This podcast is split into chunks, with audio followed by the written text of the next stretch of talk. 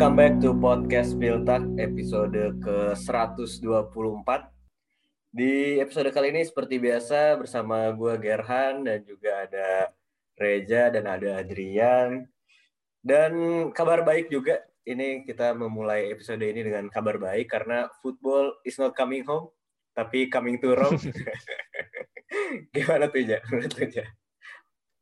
Ya, gue gue sejujurnya uh, lega lah maksudnya ya emang Italia lebih lebih layak lah menurut daripada Inggris. Karena yang pertama dari awal kompetisi kan juga ini tim yang jago banget gitu. Udah 30 laga yang nggak terkalahkan. Dan kalau Inggris juara nggak nggak kuat ya menerima konsekuensinya. Iya benar kemarin ya yang yang berpesta uh, football Twitter Serie A ya. Jadi kita mengucapkan selamat juga kepada seri Alawas, apalagi ya info Azuri, terus apalagi sih? Satu info lagi seri A. Info seri A dan kawan-kawan. Dan siapa kalau podcast?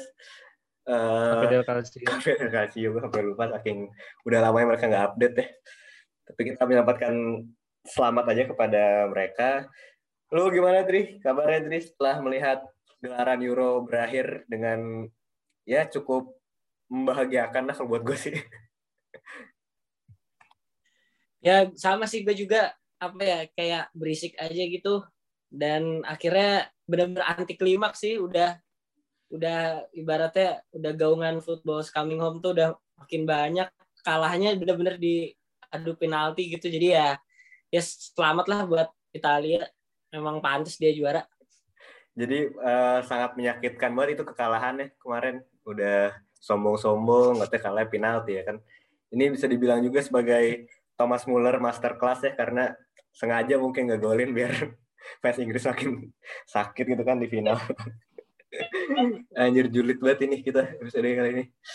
Uh, tapi ya uh, walaupun begitu ya timeline kemarin cukup rame Euro tapi tidak cuma menjadi apa ya mungkin sejenak di balik masih kalang kabutnya juga nih kondisi di Indonesia soal COVID dan ya gimana lah di Twitter juga banyak banget yang protes soal pemerintahan dan lain-lain. Tapi ya nggak usah dibahas banyak-banyak di situ lah. di episode kali ini kita itu tadi pembukaannya udah agak banyak uh, ke mana-mana. Kita bakal ngomongin apa nih, Ja, di episode kali ini, Ja?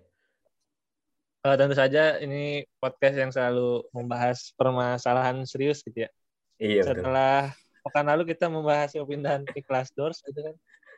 Pekan ini kita bakal ngebahas tentang dua tim yang baru promosi ke Bundesliga. Ada Greuther Fürth sama Bokum. Jadi eh, kalian nggak akan menemukan, mungkin nggak akan menemukan podcast lain yang berbahasa Indonesia membahas Greuther Fürth dan Bokum selain di sini gitu kan.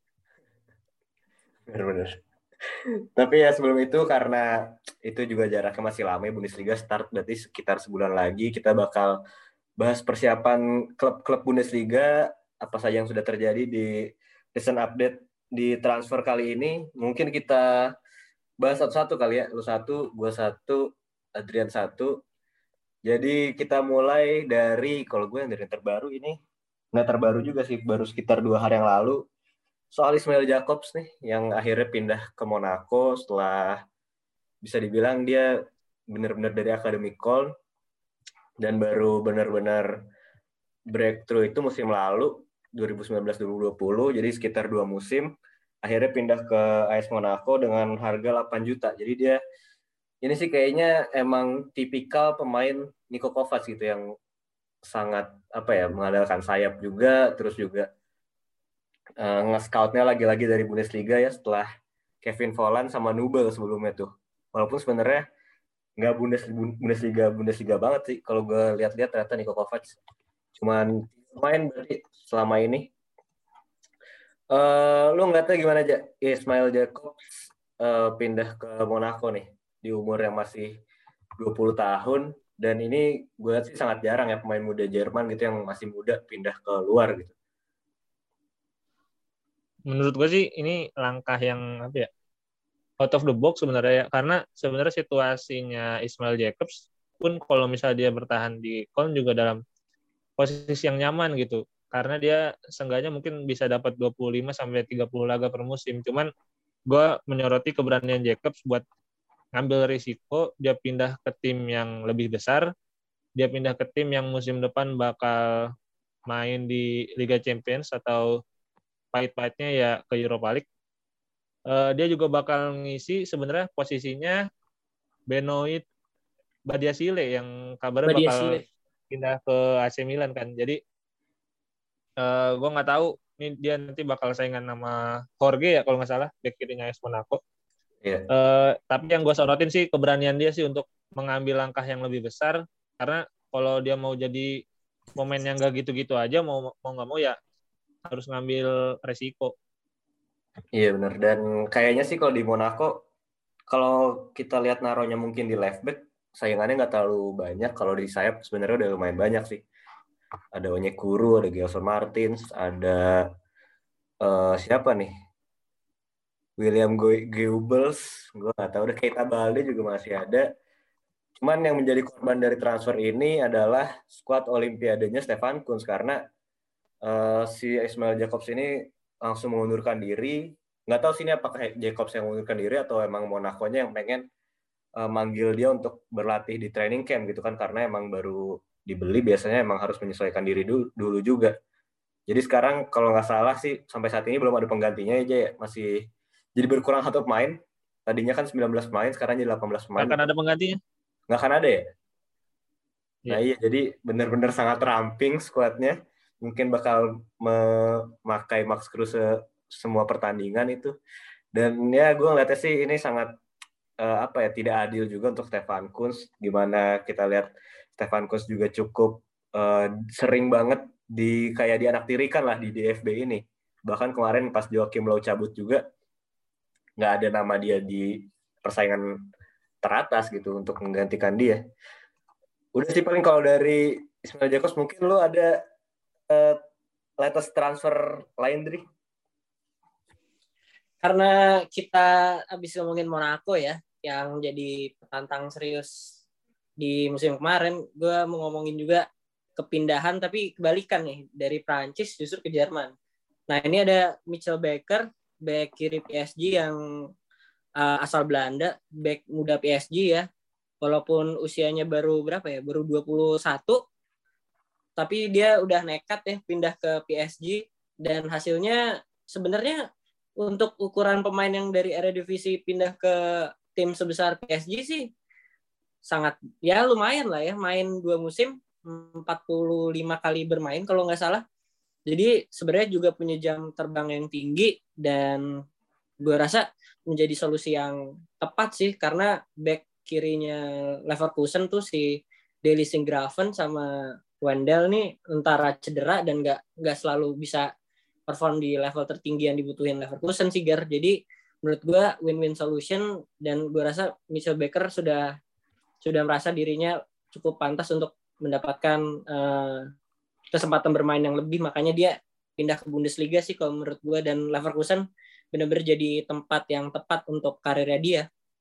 Ya apalagi juga kalau kita lihat sebenarnya di Leverkusen juga udah cukup terbangun suasana-suasana Belandanya setelah musim lalu ada pelatih Peter Bos terus dia datengin Fosu Mensah. Fosu Mensah nggak di uh, ini nih nggak diresmin aja ya? Maksudnya nggak diresmin apa? Nggak dibeli gitu dari Manchester United dari Fulham Manchester United sih dia. Rasa dia ini permanen. Oh permanen. Nah iya berarti emang. Cuman dia cedera. Iya, ya berarti secara kulturnya udah cukup baik lah untuk Mitchell Baker setelah ada Fosumensa terus juga ada Frimpong. Udah ya? Singraven semuanya juga. back semuanya back sayap.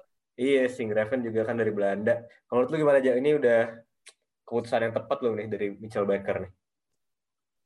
Ya menurut gua yang enggak downgrade downgrade amat juga lah dari PSG ke ke ini ya ke Leverkusen. Dan gue ngerasa Baker masih punya banyak inilah banyak room to improve gitu. Jadi kalau di Leverkusen musim depan main inti ya mungkin dia bisa step up dan masuk ke timnas Belanda juga karena kalau kita lihat kemarin di timnas Belanda kan back kirinya juga masih pakai Van Aanholt kan. Jadi menurut gua hmm.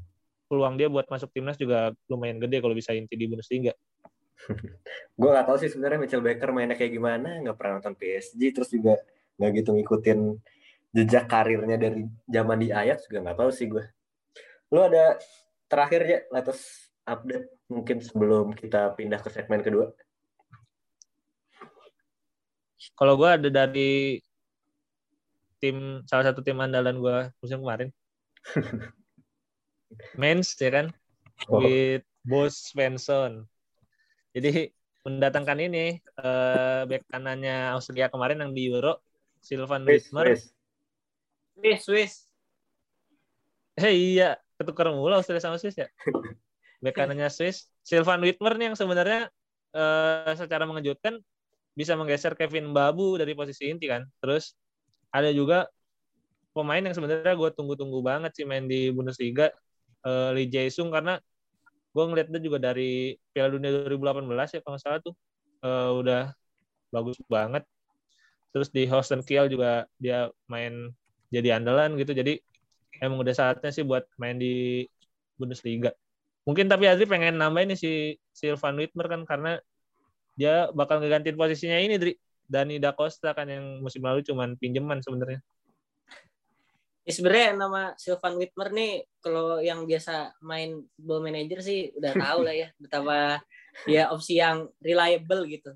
Cuman yang menarik benar kata lu tadi sih Kevin Babu nih uh, bisa digeser oleh seorang Sylvan Whitmer yang udah tiga tahun main di Basel gitu. Dan ternyata gue sempat beberapa kali nonton pertandingan Swiss ya memang dari segi bertahan dia bagus, rajin membantu serangan dan ya work ethicnya itu tinggi gitu. Yang nah ini yang dibutuhin kalau uh, sewaktu-waktu mau main dengan gue nggak tahu ya bos Svensson nanti bakal main formasi apa tapi kalau kita lihat di Swiss uh, dengan formasi misalkan tiga back tengah Whitmer ini benar-benar jadi opsi yang yang apa ya sangat bagus untuk mengamankan sisi kanan baik secara ofensif ataupun defensif juga sama kuatnya gitu jadi uh, kehilangan Dani Da Costa gue rasa sudah di antisipasi dengan sangat baik oleh Mainz sih.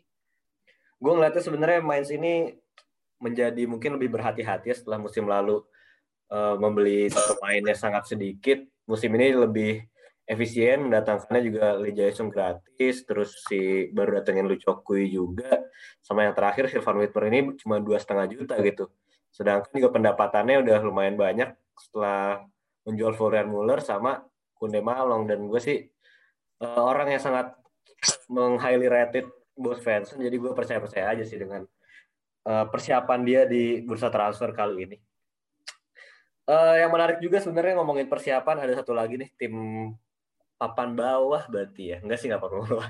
Maksudnya lalu papan atas ya di Bundesliga 2 yang melakukan pembelian pembelian apa peminjaman sih Cik?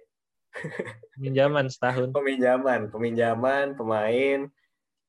Cukup highly rated bekas pemain wonderkidnya Bayern juga Adrian Van yang akhirnya pindah ke Greuther untuk uh, musim depan. Jadi kita bakal ngebahas bagaimana nih mungkin apakah Greuther Furt bakal seperti apa di musim depan gitu kan bersama Bokum juga yang baru degrada eh yang baru promosi gitu. Kita bakal bahas itu di segmen kedua.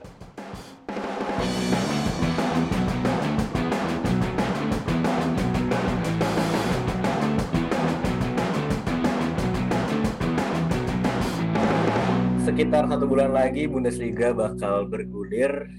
Bundesliga musim 2001-2022 sudah banyak persiapan yang dilakukan banyak klub. Cuman kita kali ini nggak bakal bahas klub-klub mainstream seperti Bayern Munchen, seperti Dortmund, seperti Leverkusen. Karena ini masih pemanasan dulu, kita belum ke sana dulu.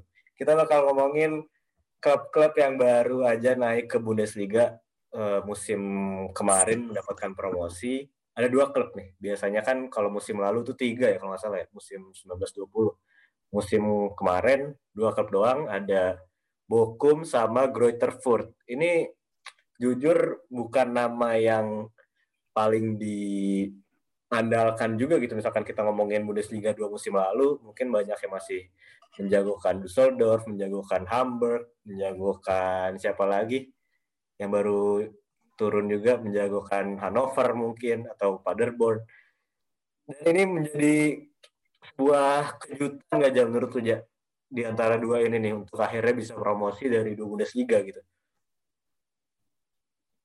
Kalau menurut gue sih Bochum secara kuat gitu dan juga ya secara progres gue rasa nggak nggak terlalu mengejutkan ya karena dia juga cukup lama kan di putaran kedua ada di papan atas.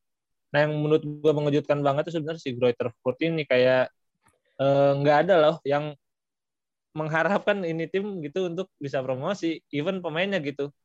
Uh, kenapa gue bilang kayak gitu? Karena sebelum dipastikan promosi di pekan terakhir ini, Rutherford ini punya squad dengan market value rendah keempat di Bundesliga 2 dan pemain-pemainnya udah pada cabut sebelum promosi si Sebastian Ernst, Traum, uh, Paul Jekyll setelahnya ya. Cuman pemain-pemain kuncinya itu udah udah keburu pindah sebelum dia promosi. Jadi kayak klubnya juga ngelepas ngelepas aja. Mungkin dia juga nggak pede bisa promosi sebenarnya di musim lalu gitu. Jadi ini benar-benar uh, promosi yang tidak diharapkan mungkin. Jadi gue nggak tahu juga apakah Greuther Furt ini bakal siap atau enggak buat main di Bundesliga musim depan. Jadi ya benar sih. Yang sebenarnya heartbreaking tuh Hamburg ya kemarin musim lalu tuh yang sempat uh, udah cukup lama di posisi tiga besar terus juga ada Holsten Kiel yang Holsten Kiel sebenarnya iya yang akhirnya kalah di playoff gitu ya malah Greuther Furt ini yang sebenarnya lebih banyak di posisi 6 sampai 4 gitu tiba-tiba bisa akhirnya masuk ke posisi 2 menurut gue udah sangat overachieve bener kata lu sih ja. cuman gue ngeliatnya juga sebenarnya kalau di liga-liga divisi bawah gitu ya itu nggak terlalu ngaruh sama uh, harga pemain sama label pemainnya jago atau gimana gitu. Justru banyak yang lebih mengejutkan yang kayak gini-gini kayak misalkan di Championship Inggris gitu kayak Norwich dengan pemain yang nggak punya siapa-siapa lah bisa dibilang pemain buangan Bundesliga semua gitu bisa naik gara-gara Daniel Farke gitu kan. Uh, terus juga mungkin Huddersfield juga beberapa musim lalu. Jadi ini menarik banget sih apakah uh, kedua tim ini terutama Greater Furt ya apakah bisa gitu ya untuk uh, survive gitu di Bundesliga. Mungkin kita bahas dari siapa nih yang paling paling enak dibahas ya dari juara dulu kali ya FPFL Bokum uh, musim lalu juara uh, itu juga ditentukan di week game week terakhir. Uh, mungkin lo ada yang ingin dibahas dari VFL Bokum?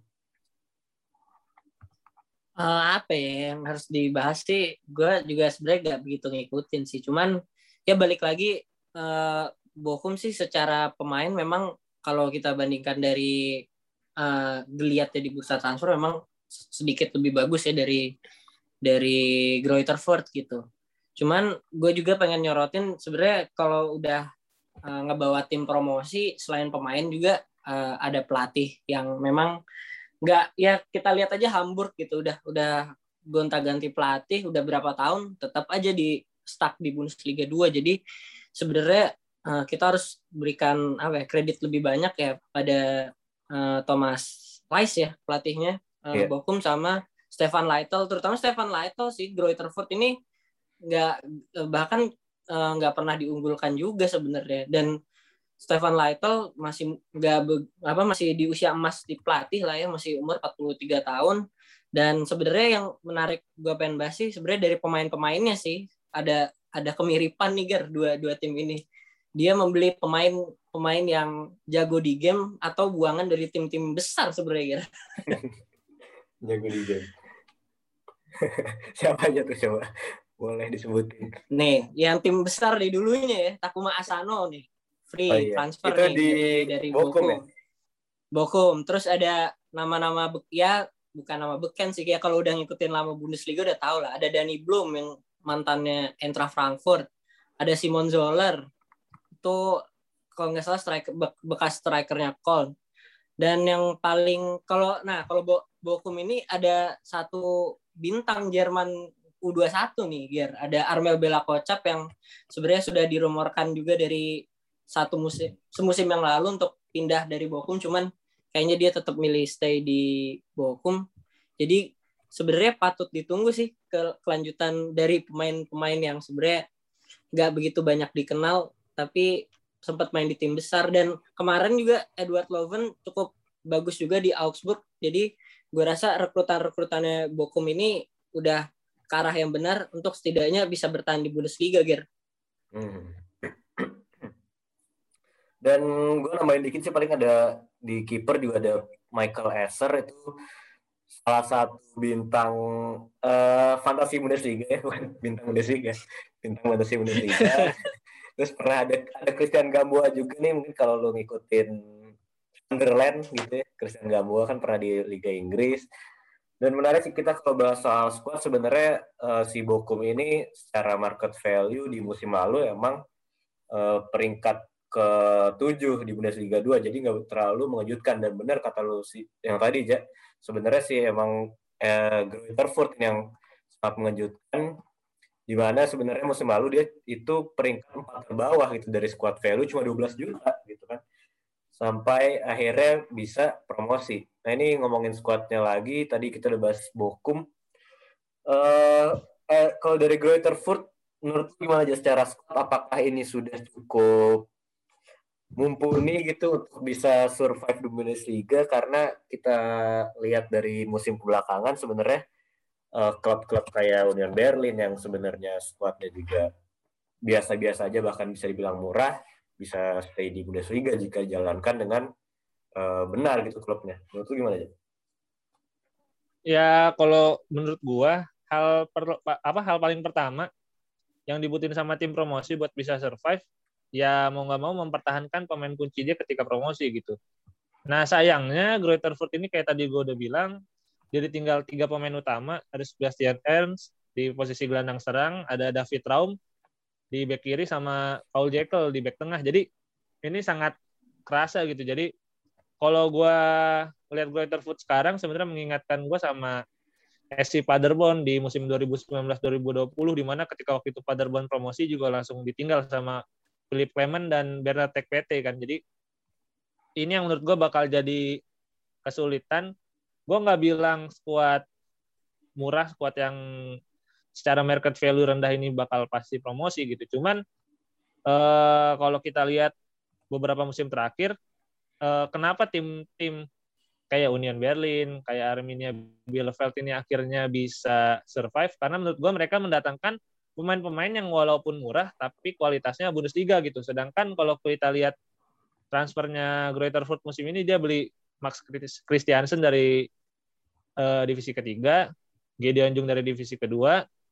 Uh, paling yang bagus yang tadi kita sempat sebutin di second pertama Adrian Van yang musim lalu main di PSV gitu. Sedangkan Jessic Ngankam dan Neil Seufert ini kan juga bukan pemain inti di Bundesliga musim lalu. Jadi ini sangat mengingatkan gue dengan Paderborn musim 2019-20 di mana dia secara absurd kan beli pemain dari divisi regional liga dari tiga liga gitu kan. Jadi gue nggak melihat banyak uh, hal yang bisa membawa Greater Foot buat bertahan gitu. Karena secara squad juga sangat tipis. Kalau kita lihat musim lalu mereka main dengan formasi 4-3-1-2 itu saklek banget pemain-pemainnya di mana uh, back tengahnya Maximilian Bauer sama Paul Jekyll, kanannya si siapa? Marco Meyer Meyer Horfer. Oh, iya, iya. Kirinya David gitu.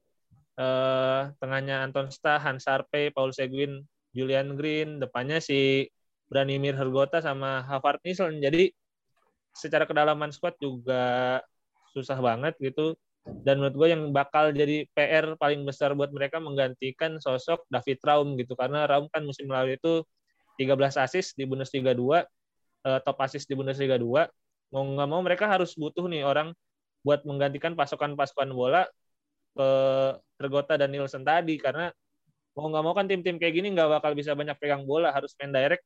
Butuh pemain-pemain yang bisa secepatnya mengalirkan bola ke depan tapi harus tetap akurat gitu. Hmm. Tadi kalau lu bandingin sama Union Berlin sebenarnya juga uh, perbedaannya cukup kelihatan sih benar yang kata lu tadi. Union Berlin pas dia promosi itu dia mempertahankan hampir semua pemain kuncinya gitu. Sedangkan ya lu bilang tadi juga Foot ini banyak melepas pemain-pemain kuncinya gitu. Ya sebenarnya Ger, apa tuh? Sebenarnya Bokum juga ditinggal pemain andalannya sih sebenarnya si Peter Zul itu Oh, uh, musim lalu 15 gol 13 assist satu-satunya pemain yang bisa double digit gol dan assist di Bundesliga 2 musim lalu. Iya itu jadi ini ya. Dia posisinya apa sih? Gelandang serang ya? ya gelandang serang. Pilihannya ke Qatar apa Uni Emirat Arab? Iya iya iya. Ya baik lagi mungkin ini bakal kembali kepada gimana kita ngelihat uh, pelatihnya ini sespesial apa gitu karena uh, Thomas Reis kalau dilihat dari secara jejam jejam kalau dilihat dari secara rekam jejaknya gitu ya dia juga baru nanganin Bochum ini pada 2019 gitu September 2019 cuman hanya butuh sekitar dua musim berarti satu musim setengah untuk bisa membawa Bochum naik ke Bundesliga gitu. Dan satu lagi juga si Stefan Leitl ini uh, pelatih nggak salah gue pernah baca dia satu angkatan di football Lehrer ya namanya itu bareng sama Julian Nagelsmann gitu dan ini seharusnya bisa menjadi pembeda sih gimana kita lihat di Bundesliga 2 dia udah ngebuktiin dengan squad value sangat rendah bisa mencapai hasil yang maksimal cuman ya itu mungkin nggak bakal berlaku gitu di Bundesliga karena ini benar-benar parah banget kalau untuk perbandingan uh, squad value gitu ya.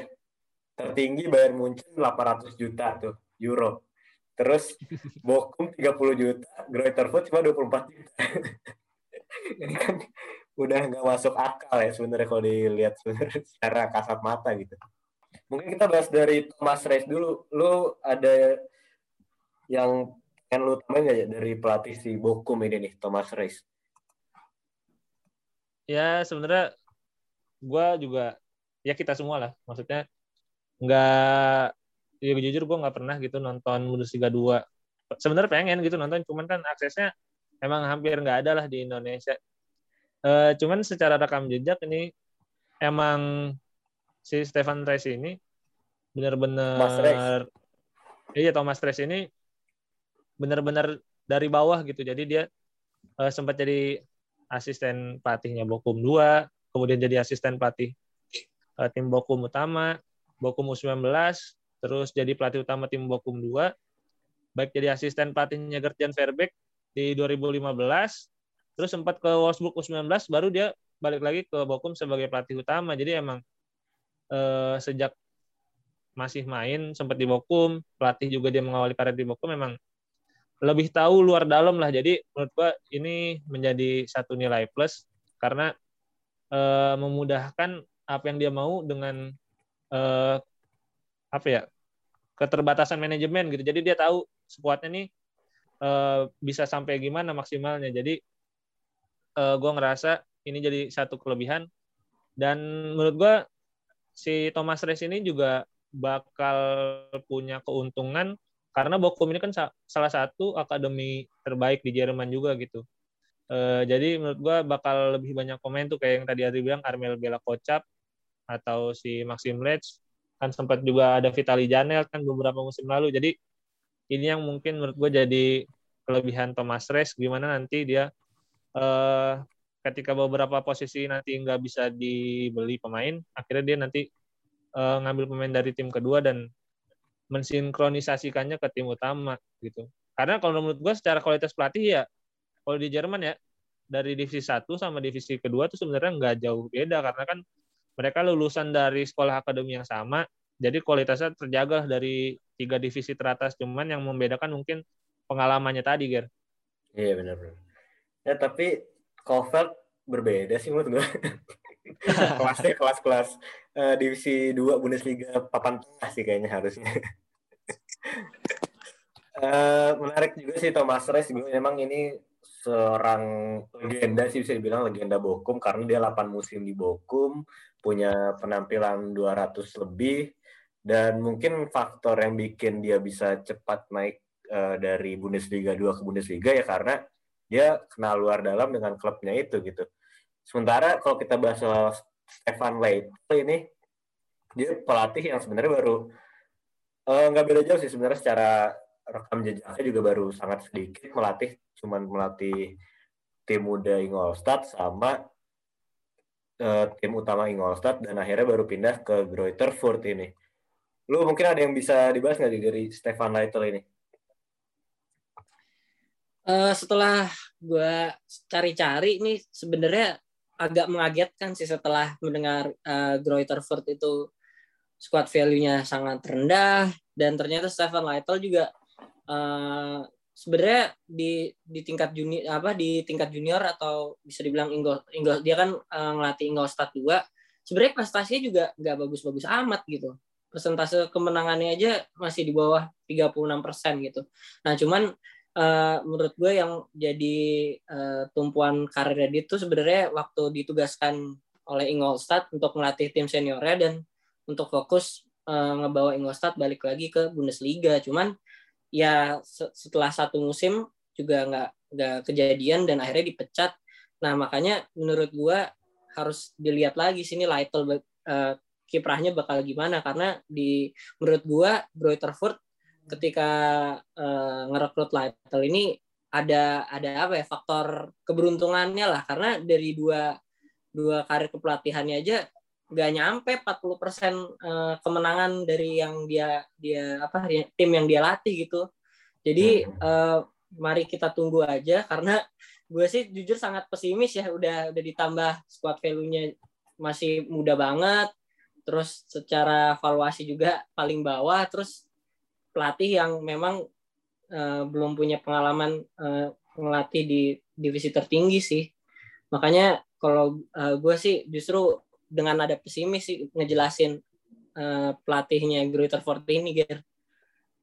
Uh, mungkin satu lagi yang jadi sorotan yang bisa menjadi apa ya mungkin dua bilah pisau gitu ya bagi Greater Fort ini setelah gue baca ternyata emang si Stefan Leitl ini menggunakan approach-nya yang uh, attacking football juga karena musim lalu mencetak 69 gol itu terbaik kedua di Bundesliga 2 dan 2. tapi di lain sisi juga hanya kejebolan 44 gol gitu. Itu yang terbaik uh, top 5 juga di Bundesliga 2 gitu. Jadi uh, mungkin bakal mengingatkan kita pada Paderborn uh, yang bisa tampil attacking tapi ya dengan kualitas main yang kayak gini atau uh, Stefan Leitl ini jika ingin bertahan di Bundesliga harus mengikuti Union Berlin di musim pertamanya gitu kan. Gimana kita lihat sebenarnya bisa dibilang Union Berlin mainnya sangat boring monoton banyak menggunakan uh, peluang dari set piece gitu. Tapi akhirnya bisa pelan-pelan uh, bertahan gitu kan.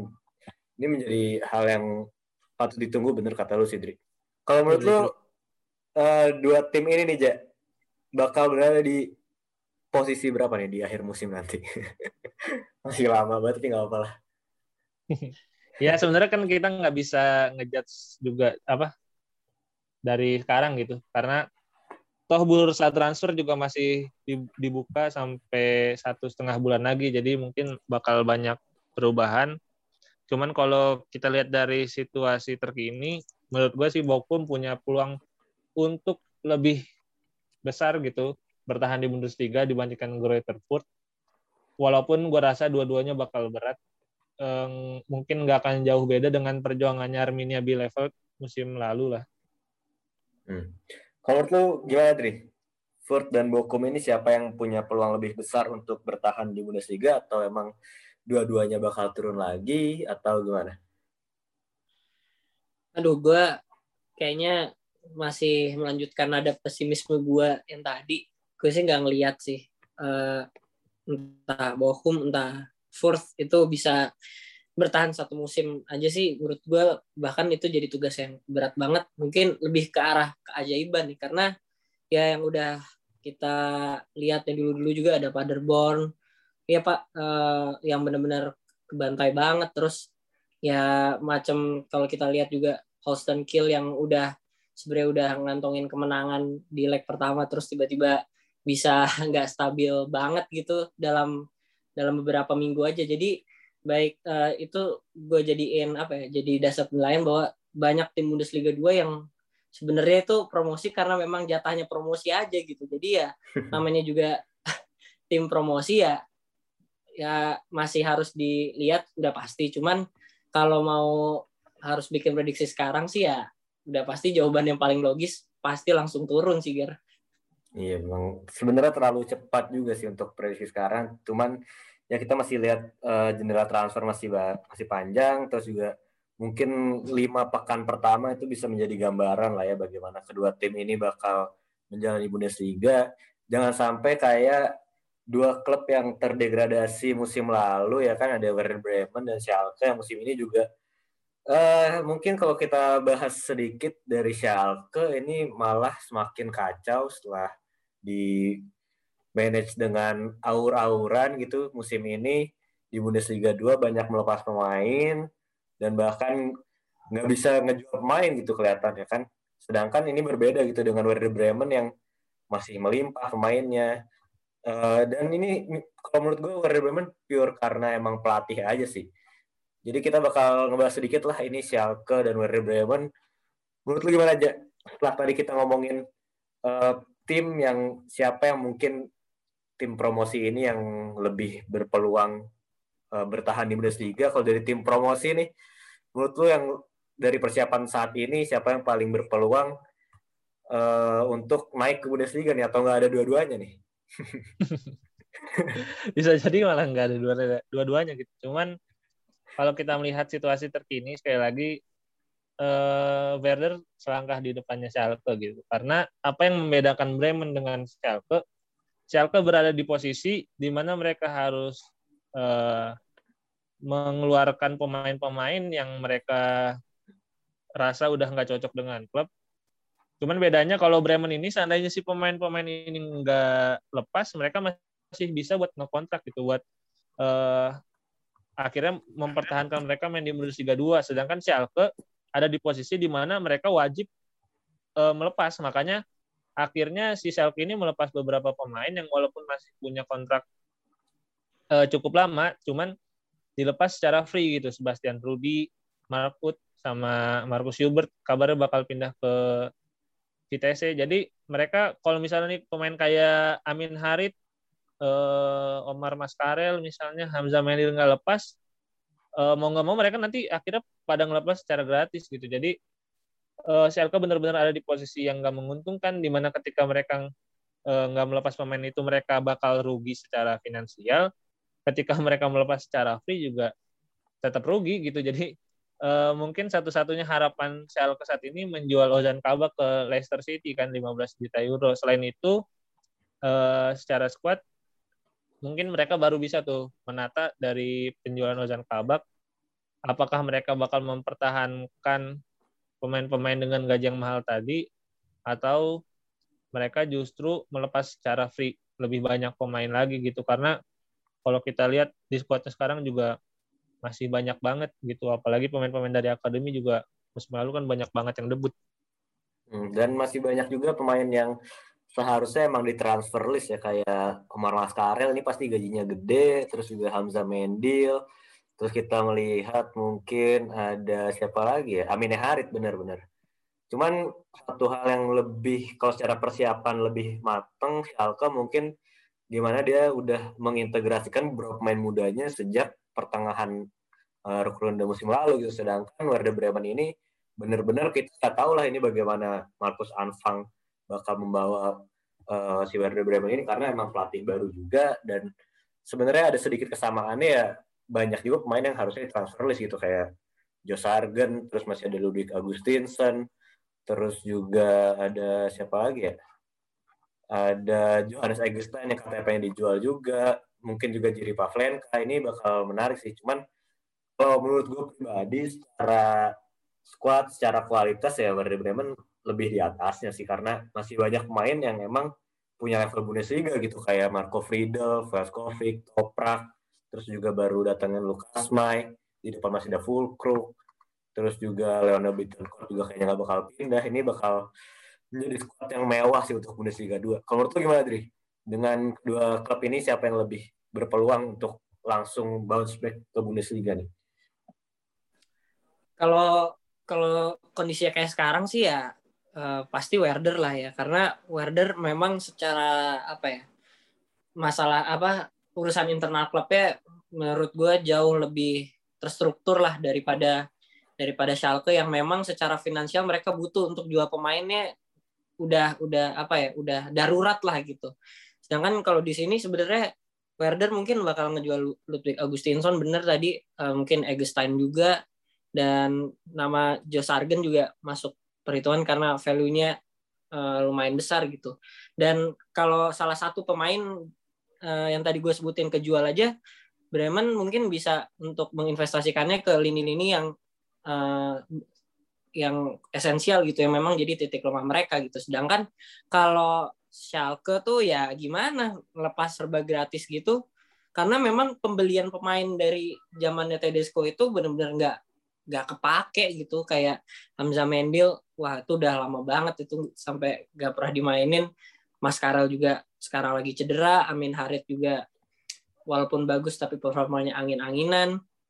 Yang sebenarnya yang uh, selain butuh cash untuk uh, pembukuannya juga yang penting untuk pembukuan juga kan gaji kan. Nah gaji ini yang pemain-pemain yang gue tadi sebutin di Schalke ini yang pastinya besar dan gak semua tim tuh juga mau untuk ngebeli ada transfer value-nya gitu. Jadi bener kata Reja semuanya rugi lepas gratis rugi tapi kalau dijual secara itu juga nggak ada yang mau beli ya dari dari apa dari status keuangannya aja sebenarnya sudah mencerminkan sih bagaimana nantinya uh, Schalke nih bisa berbuat banyak apa enggak. Karena menurut gue di musim kemarin juga sudah diintegrasikan pemain muda dan hasilnya juga memang nggak nggak mengubah apa-apa juga kalau menurut gue jadi ya yang ada di posisi depan untuk balik ke Bundesliga sih sudah pasti Werder sih Ger. Oh, berarti tiga orang ini kita semua tim Werder Bremen gue seneng. Alhamdulillah bagus tapi tapi kir ada satu hal sebenarnya yang bikin gue merasa optimis gitu dari ke ya satu-satu apa satu-satu yang bikin optimis ya karena mereka masih punya Gramozis sebenarnya Gramozis menurut gue pelatih yang lumayan dia ada di situasi yang buruk aja kemarin di Schalke cuman hmm. kalau kita lihat persiapannya Gramozis udah tahu siapa pemain-pemain yang dia bakal pertahankan di Bundesliga 2 musim depan. Dan kalau dari kabar terbaru, uh, sebenarnya tinggal butuh satu pemain aja di posisi gelandang serang, cuman emang belum dapat si Schalke. Jadi ya bisa dibilang mungkin startnya Werder Bremen agak lebih baik sedikit lah ya bagi untuk mengarungi dua Bundesliga ini. Uh, bentar. Uh, berarti udah sih paling gitu aja di episode kali ini berarti kayak lebih menurut lu lebih me, lebih menarik mengikuti Bokum Greuterfurt atau Schalke Werder Aduh, sulit nih ya. Cuman gue gue memberikan apa ya? Memberikan kesempatan lah untuk Werder karena dia juga masih punya beberapa sumber daya yang dia bisa jual untuk apa ya rebuilding lagi lah ibaratnya gitu Ger karena mm-hmm. kayak tadi kita udah bahas juga di Grutterford sama Bokum menurut gue salah satu tim promosi terburuk kayaknya karena karena benar-benar uh, kualitasnya tuh lumayan lumayan apa ya lumayan jauh lah bedanya sama Bundesliga jadi kalau untuk seruan mana untuk diikutin ya udah pasti Werder ya. Kalau Schalke juga gue masih skeptis karena kondisinya sama-sama lagi buruk juga kayak tadi kita ngomongin ya kalau Bokum tapi kan dia promosi gitu ya sama Furt nah kalau ini udah degradasi kondisinya buruk gitu. Ya udahlah pilihan yang paling masuk akal ya ngikutin Werder kalau lu siapa aja? Apa mungkin lu Fortuna Düsseldorf yang mendatangkan dua pemain Jepang gitu kan? Ya kalau gue jujur pengen sih ngelihat Bundesliga dua musim depan kalau misalnya ada caranya yang ya, bener, bener. legal mungkin atau mungkin nyari streaming juga susah gitu Bundesliga dua jadi gue pengen banget sebenarnya nonton Hamburg, nonton Bremen, nonton Schalke. Karena mungkin ini jadi Bundesliga 2 terseru gitu, iya, masa. Mewah, uh, klub-klubnya juga gede-gede gitu dibandingkan setengah klub Bundesliga yang sekarang itu yang juara banyak kan Werder, Hamburg tuh lebih banyak gitu digabungin juga bahkan dibanding Wolfsburg sama Leverkusen gitu kan eh Wolfsburg ya Wolfsburg sekali sih Jadi ya gitu aja di episode kali ini. Ini vibes vibes Bundesliga-nya sudah semakin uh, mantep lah ya di sebulan ke depan. Berarti ini kita bakal ngomongin lebih banyak Bundesliga.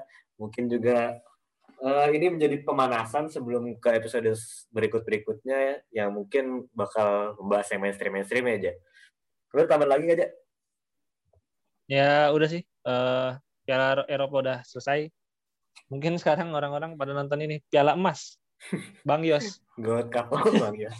Bang Yos ini ya. Itu bola apa bulu sih? bola dulu. Gubernur Jakarta kan. Iya benar Suki Wasa lupa gue. Ya udah kalau gitu gitu aja lah. Ya episode kali ini gue ngomong gini tiga kali anjir. Gue Gerhan pamit. Gue Reza pamit. Gue Adrian pamit. Sampai jumpa di episode Spill berikutnya. Bye.